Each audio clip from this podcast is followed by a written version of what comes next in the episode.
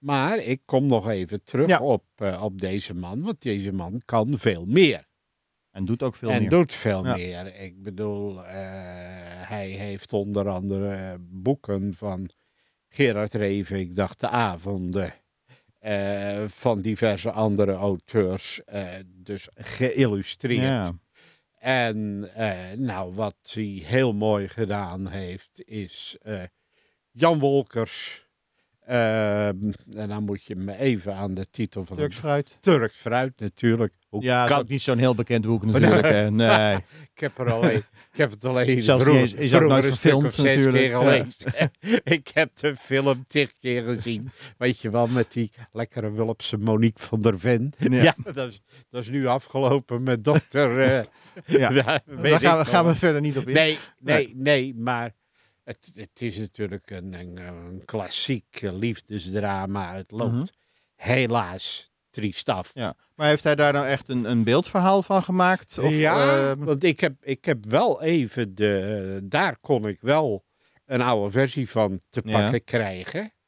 En de tekst is gewoon één op één.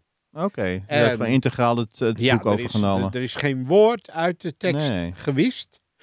En eh, ja, hij, hij illustreert dus inderdaad dan weer eh, op de manier zoals dat eh, in Tom Poes boeken en zo gaat. Ja, ja. Hè, dus dan de, de, de, de, de kolommen en dan een aantal Ja, plaatjes is de daar. klassieke eh, daarboven. Ja. En die plaatjes die, die lijken ontzettend inderdaad.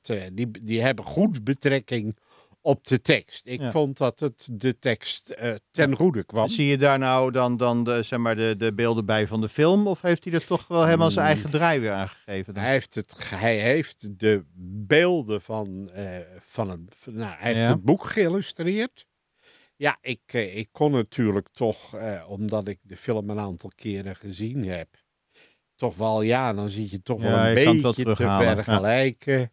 En eh, nou, wat ik bijvoorbeeld jammer vond, is dat de kleurstelling die hij gebruikt Ja. heeft, ervoor zorgt dat de haren van Olga niet rood zijn Oeh, ja. maar wat bruinig. Oké. En dat vond ik, eh, dat vond ik toch wel jammer. Ja, dat eh, druist in tegen de jeugdherinneringen natuurlijk. Ja, Ja. En, maar aan de andere kant misschien ook wel, ook wel goed dat hij zijn eigen interpretatie Dat is zeker ook heeft zo. gegeven. Nou, eh, hij eh, in het voorwoord eh, schrijft Carina Wolkers Mhm.